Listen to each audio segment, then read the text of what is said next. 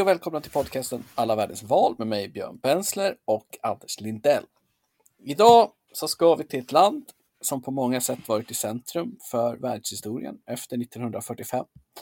Men där demokratin aldrig riktigt fått fart. Eh, dagens val är kanske det närmaste vi har kommit än så länge till en fullständig skendemokrati. Detta då den nya regeringen som parlamentet ska godkänna redan har tillträtt innan valet. Alla beslut är fattade, allt viktigt är redan bestämt och valet ska bara komma som en efterhandskonstruktion. Vart ska vi Anders? Vi ska till Vietnam som har eh, parlamentsval den 23 maj. Så det ska bli spännande. Eller det ska vi väl eh, verkligen inte på ett sätt. För det här är väl eh, på många sätt ett, eh, ett avgjort val. Ja, vi spelade in det här ganska långt innan och när vi skulle, för att få schemat att funka. Och när man då skulle välja vilka man kunde spela in tidigare så var ju då Vietnam oerhört lockande. Precis. Ska vi, ska vi börja i själva hur valsystemet ser ut eller ska vi börja i hur makten faktiskt bestäms, alltså eh, kommunistpartiets kongress? Ja, alltså jag tycker att vi kan börja på det formella på något sätt. För även om makten såklart alltid finns hos partiet så har det ju funkat lite annorlunda tidigare. Då har ju den här formella cykeln haft lite mer att säga till om. Mm. Ja, men val hålls då vart femte år och eh, precis innan val i Vietnam, eller ja, en liten tid innan, så är det alltid kongress för kommunistpartiet. Så de sker också då vart femte år. Så att man har liksom, de två cyklerna är vältajmade. I valet så väljer man i 184 kretsar 500 platser. Och senaste valet, 2016, så tog kommunistpartiet, eller CPV som de kallas, 473 av platserna. Av de 27 platser som inte togs av kommunistpartiet var dock 21 fristående kandidater godkända av kommunistpartiet på förhand, vad det nu innebär. Men det är väl där de har den här, eh, det är väl det de har det här rådet till. De har ju någon slags råd som heter liksom Faderlandsrådet som, eh, eller Faderlandsfronten, som är, är liksom någon slags godkännande av, av kandidaterna. Och liksom formellt så har jag här som ska det vara någon slags paraply där det vietnamesiska civilsamhället och massa olika organisationer samlat liksom godkänner alla kandidater som kandiderar. Men det är väl allmänt betraktat som bara en ytterligare arm av, av kommunistpartiet. Det är väl bara att det på pappret skulle se konstigt ut att partiet godkände alla kandidater eftersom partiet är ett parti som då formellt sett konkurrerar med eh, även oberoende kandidater. Ja, precis. Och sen så tillämpar man, precis som på många ställen, två rundor i sina val. Så man måste få 50 procent i första rundan. Annars blir det att det går vidare. Så i teorin så skulle man då kunna ha ja, 500 val i två rundor. Men det är nästan aldrig det har skett en andra valrunda i Vietnam. Just det, en, en enda valkrets. Ja, och då ska man ju då fastslå redan här då att alla internationella klassificeringar av eh, Vietnams demokrati är ju att det är helt odemokratiskt. Det finns ingen mediefrihet, det finns ingen möjlighet att uttrycka sin åsikt. Ja, precis. De, om man läser igenom vad Freedom House eh, säger till exempel så är ju där de överhuvudtaget får poäng, det är på sådana saker som man kanske inte Eh, det är liksom ingenting om ett öppet deltagande eller öppen information eller åsiktsbildning, utan det är sådana där saker som att man gör vissa ansträngningar mot korruption, att det finns viss representation av olika grupper och en viss fungerande regering. Men liksom ingenting på, på det som är deltagande och öppenhet. Så man får liksom ingen poäng överhuvudtaget. Nej, och sen är det ju bisarrt när man kan få beröm för att eh, Eh, göra saker mot korruption när all politisk makt tillhör en entitet. Så alla antikorruption är ju då markeringar mot motståndare inom det egna partiet. Ja. Så att ja. då, han som är partiordförande nu, och det är lite likt Xi Jinping i Kina, och de är antikorruption, jo men det är ju för att de gör sig av med sina fiender. Så han har ju lite liknande Xi Jinping då, liksom kört en, ja men tidigare liksom medlemmar i politbyrån och sånt har liksom åkt i fängelse för korruption. Eh, och då är det ju snabbt lätt att titta på, okej, okay, men vad har han den här personen för relation? Och så. Men då, om vi ska djupdyka lite i historien då innan vi kommer in på kongressen. Som, varför är de, har de ens ett, det här systemet, Anders? Ja, just det. Vi tar oss hela vägen dit. Ja, men Vietnam är, vi, vi gjorde ju ett avsnitt om Laos för ett tag sedan och man delar ju en del historia från 1800-talet och så. De har ju liksom, ja, dels haft en ganska en rik äldre historia och sen var en del av franska Indokina, alltså den stora franska kolonin där. Eh, och det bröts ju upp eh, kring andra världskriget och då blev det ju eh, först tre olika länder, alltså Laos, Vietnam och Kambodja. Och sen blev det fyra av att man på liksom, i någon slags kortsiktig lösning delade upp Vietnam i nord och syd. Det tillhör väl allmänbildningen att den uppdelningen blev lite längre och mer dramatiskt än vad det var tänkt. Det blev ett, ett inbördeskrig som ju eh, kom på alla släppar eftersom USA bestämde sig för att gå in på ena sidan av det inbördeskriget. Och sen var det fruktansvärt i 20 år om inte det fortsätter ännu mer. Och sen eh, så eh, slogs landet ihop och liksom det, blev, det var ju då nordsidan, alltså det kommunistiska Vietnam, som vann och som därefter har, har styrt det ena Vietnam. Ja, de la hela Vietnam under sig ungefär 1976. Och, och sen dess har det varit så att man har haft ett, en, en kommunistisk enpartistat fram tills och, och man har samma vad ska man säga, det kinesiska systemet som vi också pratade om i, i Laos, alltså att man har Eh, man, man öppnade upp lagom mycket för omvärldens, alltså man öppnade upp ekonomin så att man har liksom en ett kapitalistisk ekonomi men ett eh, kommunistiskt eh, syn på. Ja, man har lik ekonomi som Kina har idag och det momentet skedde på mitten av 80-talet, så lite senare då, att man har liksom hybrid funktion i sitt samhälle. In, utländska företag etablerar industrier och så. Och den delen har ju gått ganska bra i Vietnam kan man säga och i och med att Kina blir mer politiserat som en sån aktör så är det ju många företag som är sugna på att flytta söderut från Kina och ha sin fabrik i det mindre politiska Vietnam. Men det är det roligt alltså, apropå eh, politiseringen där. Alltså det finns ju vissa länder som, som bara självklart i det allmänna medvetandet betraktas som livsfarliga eh, diktaturer, mm. typ Nordkorea. Men Vietnam är, glider lite under radarn. Jag tror, liksom, Men, äh, alltså jag tror ganska många skulle gissa fel. Har du varit på... i Vietnam eller? Nej. Jag har ju varit där. Det är ju liksom, det är ju verk, det är, som turist är man ju privilegierad i den typen av länder alltid, men det är ju verkligen inte liksom polisstatskänslan lyser ju med sin frånvaro rejält. Mm. Förutom när det blir liksom eh, curfew på kvällen till slut. Men annars så är det ju liksom, man, man känner ju inte att man är i ett väldigt auktoritärt samhälle. Så, på det sättet.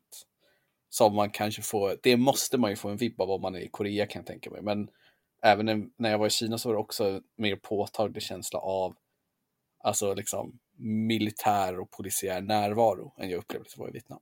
Just det. Ja, de som verkligen känner av eh, eh, den känslan är ju framför allt liksom, olika journalister och bloggare och så. När man har, jag försöker kolla lite på vad det är för för typ av aktivister som fängslas mycket så. Det verkar just vara liksom pressfrihetsfrågorna som är, som är heta. Liksom. Man slår ner på förlag och på eh, det är mycket bloggare och så som har dömts här under, till långa fängelsestraff under eh, senaste halvåret.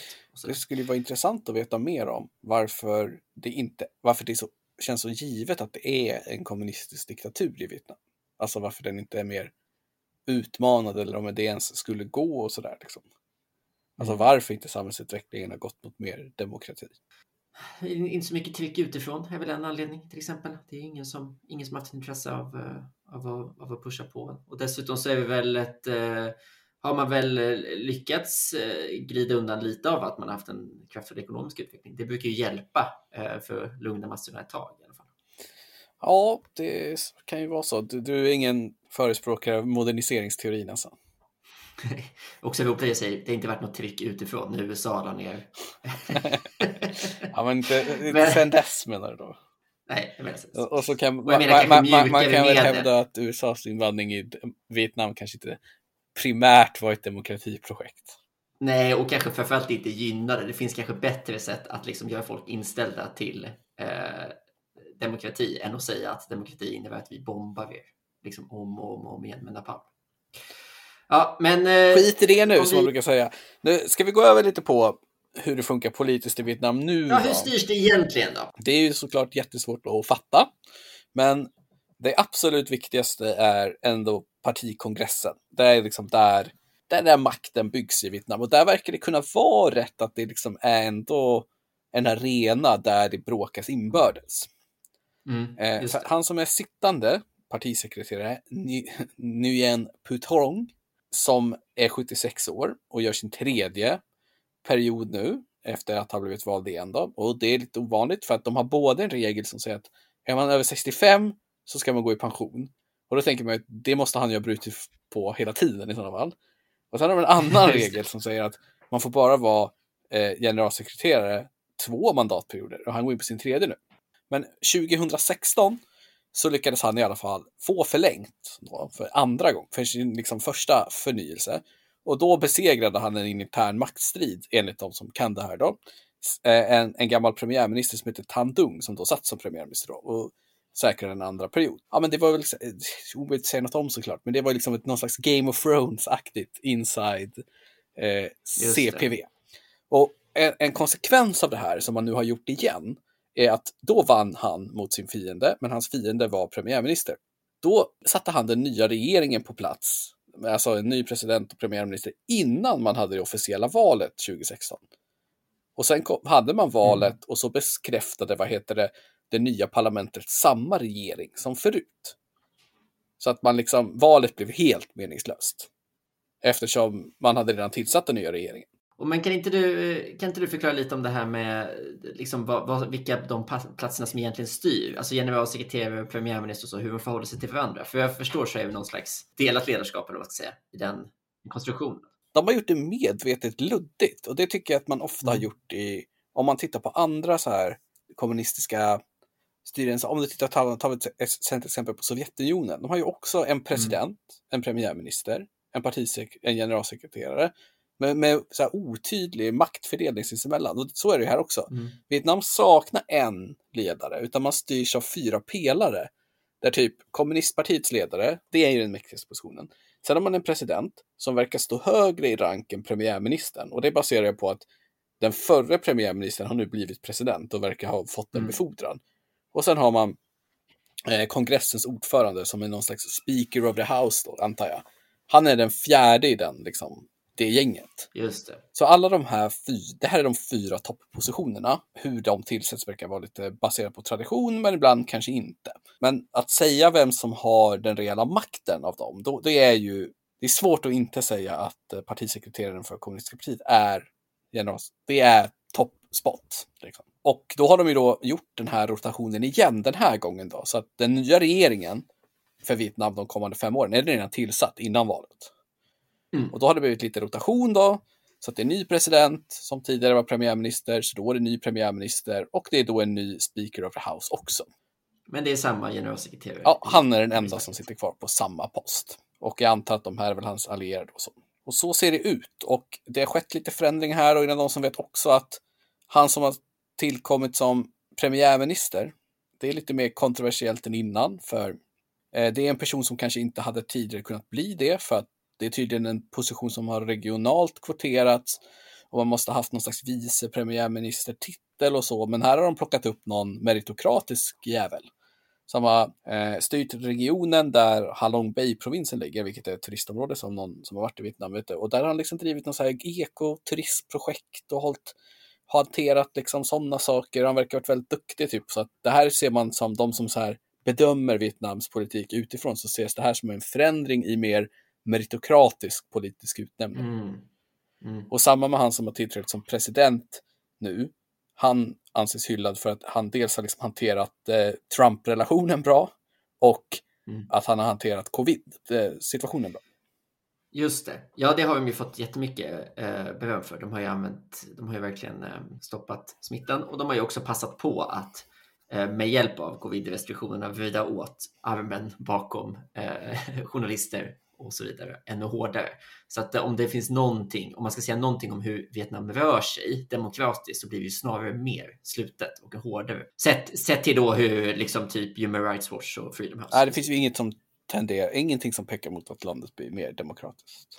Nej. Ja, så att eh, allt spännande har redan hänt, men eh, den 23 eh, maj så stiger vietnameserna ner och eh, genomför den här ceremonin. Mm. Och eh, det som man kanske på ett sätt gillar med en självförtroende hög eh, auktoritär stat är att det, det är inte kommunicerat när resultatet meddelas. Så, så, så, det är lite så att vi har val, men resultatet det är, det är inte faststått när det kommer. Nej. Så kan det gå. Ja, men det var Vietnam då. Då tar vi, ska vi ta en liten paus, jag och Anders lite kort, och sen så kommer vi tillbaka med en recap på alla valen vi har gjort de senaste veckorna. Då gör vi ett eh, återbesök till eh, några av de länder som vi har pratat om men där vi inte har berättat om resultatet. Och det har blivit ganska många nu eftersom det var så täta val där i mars eh, och april. Så att eh, vi eh, tänkte att vi klumpar ihop dem lite regionsvis. Om vi börjar i Europa där det bara finns ett resultat så är det Bulgarien. Vad har du att säga om det Björn? Ja, Bulgariens eh, val till parlamentet var ju en riktig, riktig kioskvältare. Det hände grejer. Mm. För det, det mest intressanta är ju såklart att vårt eh, outsiderpartiet som vi stött gillade lite där, There is such a people, som gick, låg på 0% inne, stampade in med 17,5 procent och tog 51 platser och är näst största parti. Det innebar då att både eh, styrande GERB tappade 20 platser och Socialisterna tappade 37 platser och Gamla Socialistpartiet gjorde sitt sämsta val någonsin i Bulgarien. Ja, jag lyssnade på, på en, eh, en intervju där en, en, en bulgarisk bedömare sa liksom att det här är den största katastrofen för dem någonsin. Alltså den är större än när man tappade makten på 90-talet. Det här ju betraktas som liksom... osannolikt. det är- Men i alla fall, ja. Det, Ja. Jag säger inte emot, den vet säkert Ja, bättre. men att det här betraktas liksom som att nu är det kört. Om man inte ens kan, för det, det, det man också ska komma ihåg att de, kom, de satt i opposition nu och hade lite vind i seglen. Alltså det är också en annan, en annan sak att tappa så mycket mark från den platsen. Liksom. Tittar man lite på valresultatet på regioner så är det skitintressant. Eh, Av utomlandsrösterna så fick ju det här nya I- partiet 31 procent. Ja, just det. Och det Mm. finns något parti som heter DB som är någon slags allians där de gröna partierna ingår och någonting sånt. Mhm. De, de fick liksom eh, totalt så landade de in på Democratic Bulgaria heter de, 9 procent och fick 27 procent. Mm. De är också ett nytt parti, 27 nya Just seats. det. Precis, det kom ju upp ett, det var ju också en, en oväntad att det kom ett, eh, och det hör väl ihop med Socialistpartiets dåliga, att det kom eh, liksom eh, in ett, en, en mindre allians av, från vänster snarare. Än, än, de fick vi, vi gick igenom då att det fanns massa högerpartier i, i olika allianser. Ja, och de, de- åkte å andra sidan ut, alla de här extremhögerpartierna. Men det här DB, de fick liksom 30 procent i ett distrikt i Sofia och 25 i Ja. ett annat. Så det är verkligen så här ett urbant parti. Mm. Och sen finns det en del där något parti som heter DPS fick Ja, det är det här, DPS är ju det här eh, liberala partiet som vi pratade om som typ ligger stadigt på 10 procent Mm, de- eh, och som ju har liten viktning mot den turkiska minoriteten, men, men som, ju, som ju tillhör på något sätt den gamla Ah, okej, för de fick liksom partier. 60 procent i en region. Mm, Men det kan nog finnas en etnisk eh, Ja, det måste vara så. koppling. Intressant. Så att eh, det är stökigt. Det är ingen regering bildad. Han försökte ju då sitta kvar såklart, Borisov, och bilda en slags teknokratisk regering. Eh, Men det är som nej till. Ja, nu försöker han bilda en koalition, men han säger att det är unlikely. Så det blir en caretaker government och nyval troligtvis. Ja. Eller en helt ny regeringskonstellation. Nej, men det blir väl för vad heter det, ITN och, och Slavi Trifonov. Han har ju verkligen lovat att inte samarbeta med någon. Så att det dummaste han skulle kunna göra är ju att Sälja försöka ut. bilda en koalition nu. Utan det är bättre att hålla i eh, och kanske få eh, 25-30 procent i extravalet. För han tjänar ju verkligen på kaos. Liksom. Han tjänar ju på att systemet inte funkar. Ja, det var mycket nya partier. Vi kan också berätta att partiet Stand Up, utropstecken Mafia Get Out fick eh, 5, 5 procent av 14 platser. Ja, men de tror jag också tillhör den här äh, vänster, nya lilla vänstervågen, eller man ska säga. Som ju inte är så vänster, utan kanske mer då liksom eh, missnöjespartier som inte är rasister, eller man ska säga. Ja, ska vi, ska vi eh, ta oss vidare till eh, i mellan avsnitten så tänkte jag att vi kan prata lite om de två avsnitten vi haft i Oceanien. Och man kan väl bara diska av Mikronesien. Det var ju som vi var inne på ett ganska, det är ett ganska ljummet politiskt klimat. Ingen lyckades vinna mot någon sittande kandidat i de här enmansvalkretsarna där det inte finns några partier utan alla är independents. Det som man kunde hålla utkik efter var ifall man skulle få sin första kvinnliga valda och det fick man inte. Marstella E. Jack kom liksom sist i sin valkrets och det innebär att Mikronesiens federation alltså aldrig någonsin haft en kvinnlig folkvald överhuvudtaget. Det är ändå magstarkt. Det kan inte vara många länder som har det alltså. Ett så dåligt track record. Jag- kan inte hitta på ett nu, men man, man har väl aldrig hört talas om en kvinnlig påve, så det är väl de ungefär. Så. Det är väl då, ja men det kan säkert... eh, i, i, Katolska den, kyrkan och... I den utsträckning det finns folkval i Saudiarabien så kanske de till exempel har det eh, inte så många. Nej, Men vad heter det, däremot i, i Samoa var det mer intressant. Alltså. äh, För det, superspännande där, så, där pratade vi om, bara för en, en kort recap var ju att vi har det här eh, Human Rights Protection Party, det här stora, lite konservativa partiet som har styrt jättelänge och sen så har man haft en, liksom jättemånga independents och det har gjort att de har, liksom, även om det har funnits en stark opposition, så har de alltid lyckats snå åt sig makten och komma över 50 procent. Eh, De eh, utmanades ju av det här FAST, det här lite mer vänster och traditionella partiet som drevs av eh, den tidigare kvinnliga eh, vice premiärministern. Och de lyckades liksom verkligen ena oppositionen och tog 25 platser. Och HRPP har då också 25 platser för att det finns eh, 50 platser då. Det som sen hände var att den här konstitutionella förändringen som vi pratade om, alltså att det alltid måste vara minst 5% kvinnor, den innebar att det skapades en ny plats, så som det har gjorts ibland, och den tillföll HRPP, alltså det gamla. Så att liksom ironin då att det som hindrade att det skulle kunna bli ett, en, en kvinnlig premiärminister var regeln om kvinnlig kvotering.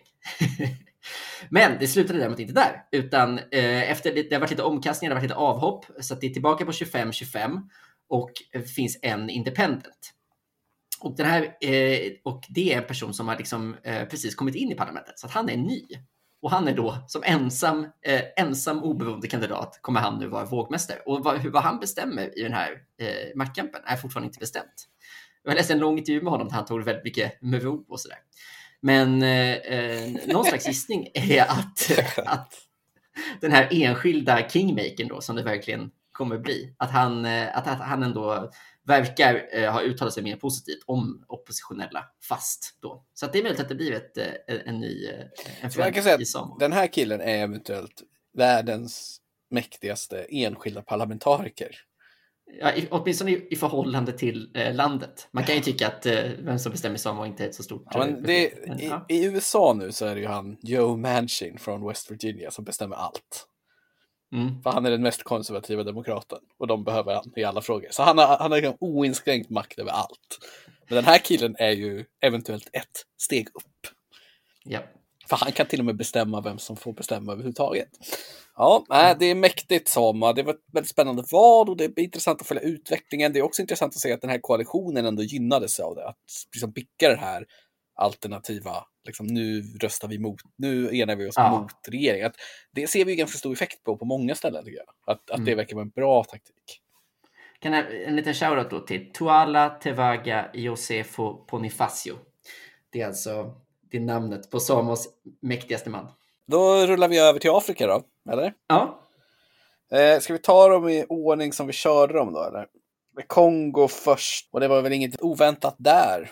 Nej, Sassou Nguesso vann och fick nästan 90 procent. Mm, men det var ju inte demokratiskt. Så.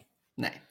Gybris Parfait Kolias som vi pratade om, han kom tvåa på 8 procent. Men det, framförallt så dog han dagen efter valet i covid-19. Ja, jävla en... otur och mörkt på något sätt. Ja, verkligen. Men ingen eh, demokratisk ljusning i Kongo i alla fall. Vi rullar snabbt över på Chad och där har det ju hänt grejer. Ja, gud ja. Där har det hänt grejer och nu kommer det bli lite spekulation från min sida här.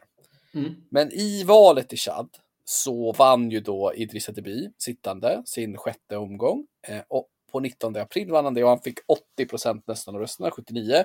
Vilket är väldigt högt för att vara han. Så det, det säger ju mig att det är lite riggat. I alla fall, vad gör man när man har vunnit ett presidentval i Afrika i ett land som är lite inbördeskriget, Anders? Jo, man drar ju till fronten va? Mm. Han skiter i att ha en segerparad. Han drar upp till fronten för att hänga med lite chadiska soldater där de eh, slåss. Northern Rebel Incursion finns det då i norra Chad helt enkelt. Och då skulle han dit och liksom eh, gjuta lite moral i trupperna och få lite bra photo-op liksom. Att här är han och attendar the business istället för att fira. Då blir han mortally wounded 18 eh, april. Ja. Han blir så, dag, så egentligen dagen, dag, faktiskt dagen innan som han blir announced segrare av valet. Ja, ja. Och flyger till huvudstaden. Och där dör han 20 april, dagen efter han har vunnit valet officiellt.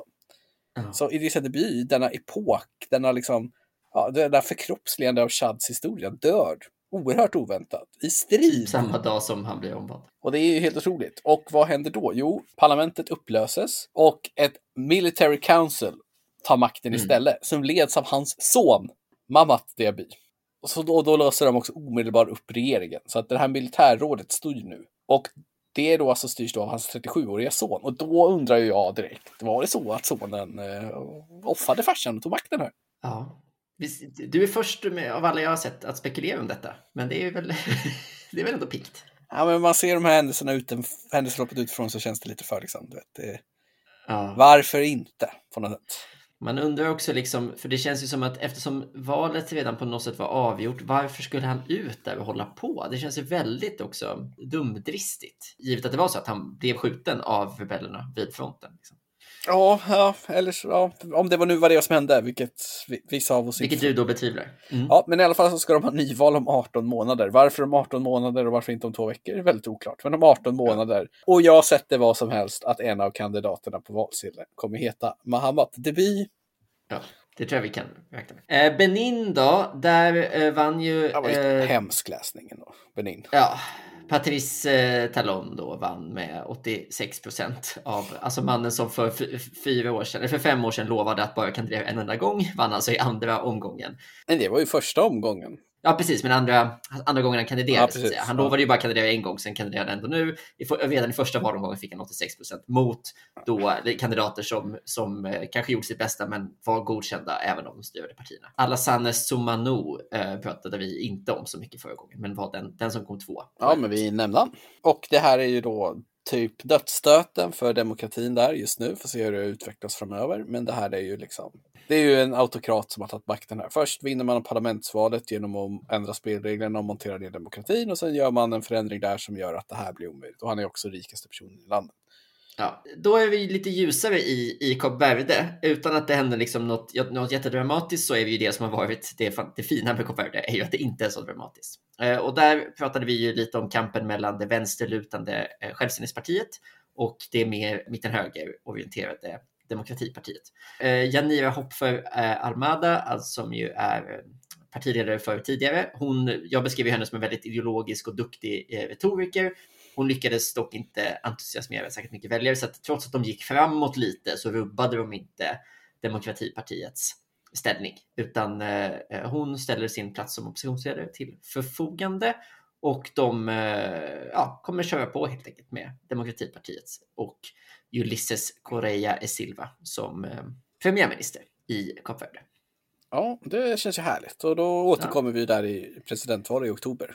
Uh, och nu så kanske vi ska ta de, de tre valen vi haft i Amerika. Uh, El Salvador var ju jättelänge sedan vi pratade om nu och där blev det ju det som uh, internationella bedömare och den interna oppositionen i El Salvador fruktade, alltså att Nayib Bukele Eh, och hans allierade eh, tog en supermajoritet, alltså 61 av 84 platser i parlamentet, alltså en bit över två tredjedelar och därmed har extremt mycket makt att förändra. Ja, det intressanta där blir om han ska köra igen som president då snart. Ja, Vilket... om han bara dundrar på liksom. Ja. ja, då tar vi Ecuador då, för det är ju mer intressant. Äntligen upprättelse för, för Björn Bensler får man säga. Du, du gissade ju i vårt första avsnitt att eh, Guillermo Lasso skulle vinna, skulle komma bäst av de här. Men, och det gjorde han inte. Han kom ju, han kom ju ganska långt efter Andres Arauz som ju kom in på typ 30, över 30 procent och Lasso fick ju liksom lita på en omräkning mot den här ursprungsbefolkningen, kandidaten Jacu Perez. Men i andra omgången så lyckades Guillermo Lasso, alltså den här 65-åriga mannen som har varit... Eh, Tredje eh, eller fjärde gången gilt var det också. Ja, verkligen. Kandiderat massa gånger på liksom en till synes hopplöst liksom högerplattform. Eh, men nu så så vann han. Och han kommer ha det tufft. Han, hans parti kommer, det var ju parlamentsval samtidigt som första rundan presidentvalet. Då kom hans parti femma. Så man är alltså extremt, det är ett extremt litet parti i kongressen. Eh, det finns något annat högerparti som har tagit sig in, men eh, han har väl liksom eh, typ liksom 20 procent eh, ligger alltså på åt högervinklat. De två största partierna överlägset är ju det, det stora eh, liksom, koreista partiet, alltså det stora vänsterpartiet, och det stora liksom, ursprungsbefolkningspartiet. Och båda de partierna är ju aggressivt emot Guillermo Lassos politik. De ena av liksom vänster höger skäl, de andra mer av kanske miljö och bitvis liksom sociala rättigheter skäl. Så att eh, det, det kommer vara en, en, ett svårstyrt land för den här eh, höger. Ja, men han vann ju lätt också kan man då säga. Han vann med ja. 4 procent mot Andres Arus. Precis, så att det säger någonting om hur det, vi pratade ju mycket om de här, de här gamla lojaliteterna och de gamla fejderna betyder i, eh, i Ecuador. Och det visade sig då att hatet mot Arauz var större än hatet mot Lasso, helt enkelt. Uh, I den här stora, stora gruppen som röstade på Jacu Perez. Tittar man på kartan på valet så vann Arus samma områden som han vann i första omgången, andra omgången. Medan Lasso svepte allt som Perez tog. Vad heter det? Lasso vann område i första valomgången och i andra så vann han alla Perez och tog upp, plockade upp tre stycken som Marus vann. Otroligt. Ja, vilken jävla superseger alltså. Ja, Ja, och eh, kul för dig som sagt också. Att med den, eh, den, långa, den långa gissningen gick ja, Han ger ju hopp till alla som kör liksom fjärde rundan. Liksom. Ja. Och apropå då det här med gamla lojaliteter så kommer vi ju, vi kommer ju få återkomma till valet i, i Peru, för det blir ju en andra omgång den 6 juni. Men det, det som är mest intressant är ju vilka som tog sig dit. Ja, den, den stora recapen blir ju då, kan man säga. Men man kan väl bara konstatera, vi nämnde sex olika kandidater som vi spekulerade skulle vara möjliga. Vi nämnde inte Pedro Castillo som blev den som kom in med allra flest röster. Det, det kortfattat om honom är alltså, han är kommunistpartiets kandidat, liksom kommit upp via lärarfacket och, och så vidare. Vi kan prata med honom, men han har ju legat, eh, ja, jag vet inte vilka siffror han har pollat på, men det måste ju varit typ 5-6 procent. Och ändå fick han då nu alltså... Eh, han var, han var klar etta. Klar etta. Och tvåa blev ju då den enda kandidaten vi var överens om inte skulle gå till andra omgången, alltså Keiko Fujimori som vi eh, då räknade ut. Och det ska man väl absolut, man ska väl absolut inte räkna ut en Fujimori. Det är väl, borde väl vara ett, ett ordspråk i eh, peruansk politik. Vi återkommer, vi återkommer till det. Det kommer bli roligt att få gräva ner oss i det. Det blev ju alltså absolut inte någon slags liksom, eh, mittenkandidater som jag spekulerade i, utan det blev ju då ytterhöger mot yttervänster i den omgången. Men mer om det i juni. Det ska bli intressant att se undersökningarna där om Fujimori liksom lyckas hon mobilisera. Fan vilken comeback story det hade varit om hon tar makten. Ja, men i Peru också, som så mycket har präglats av eh, liksom, vem som är minst ogillad. Man har haft svårt att få igång en vänsterrörelse på grund av liksom, den väpnade liksom, vänstergerillan som har liksom, plågat landet. Och sen så har man haft en, en högerledare som också är liksom, fruktansvärt avskydd av andra skäl eh, och vars dotter då har svårt att, att få stöd av det skälet. Så det är verkligen de två mest hatade politiska rörelserna i Peru som nu kommer stå mot varandra. Det blir kul att gräva ner sig i. Vi, eh, näst, hur gör vi med nästa avsnitt, Björn? Vi är tillbaka nästa vecka och då är det Cypern. Kul. Härligt. På återseende. Hej då. Hej.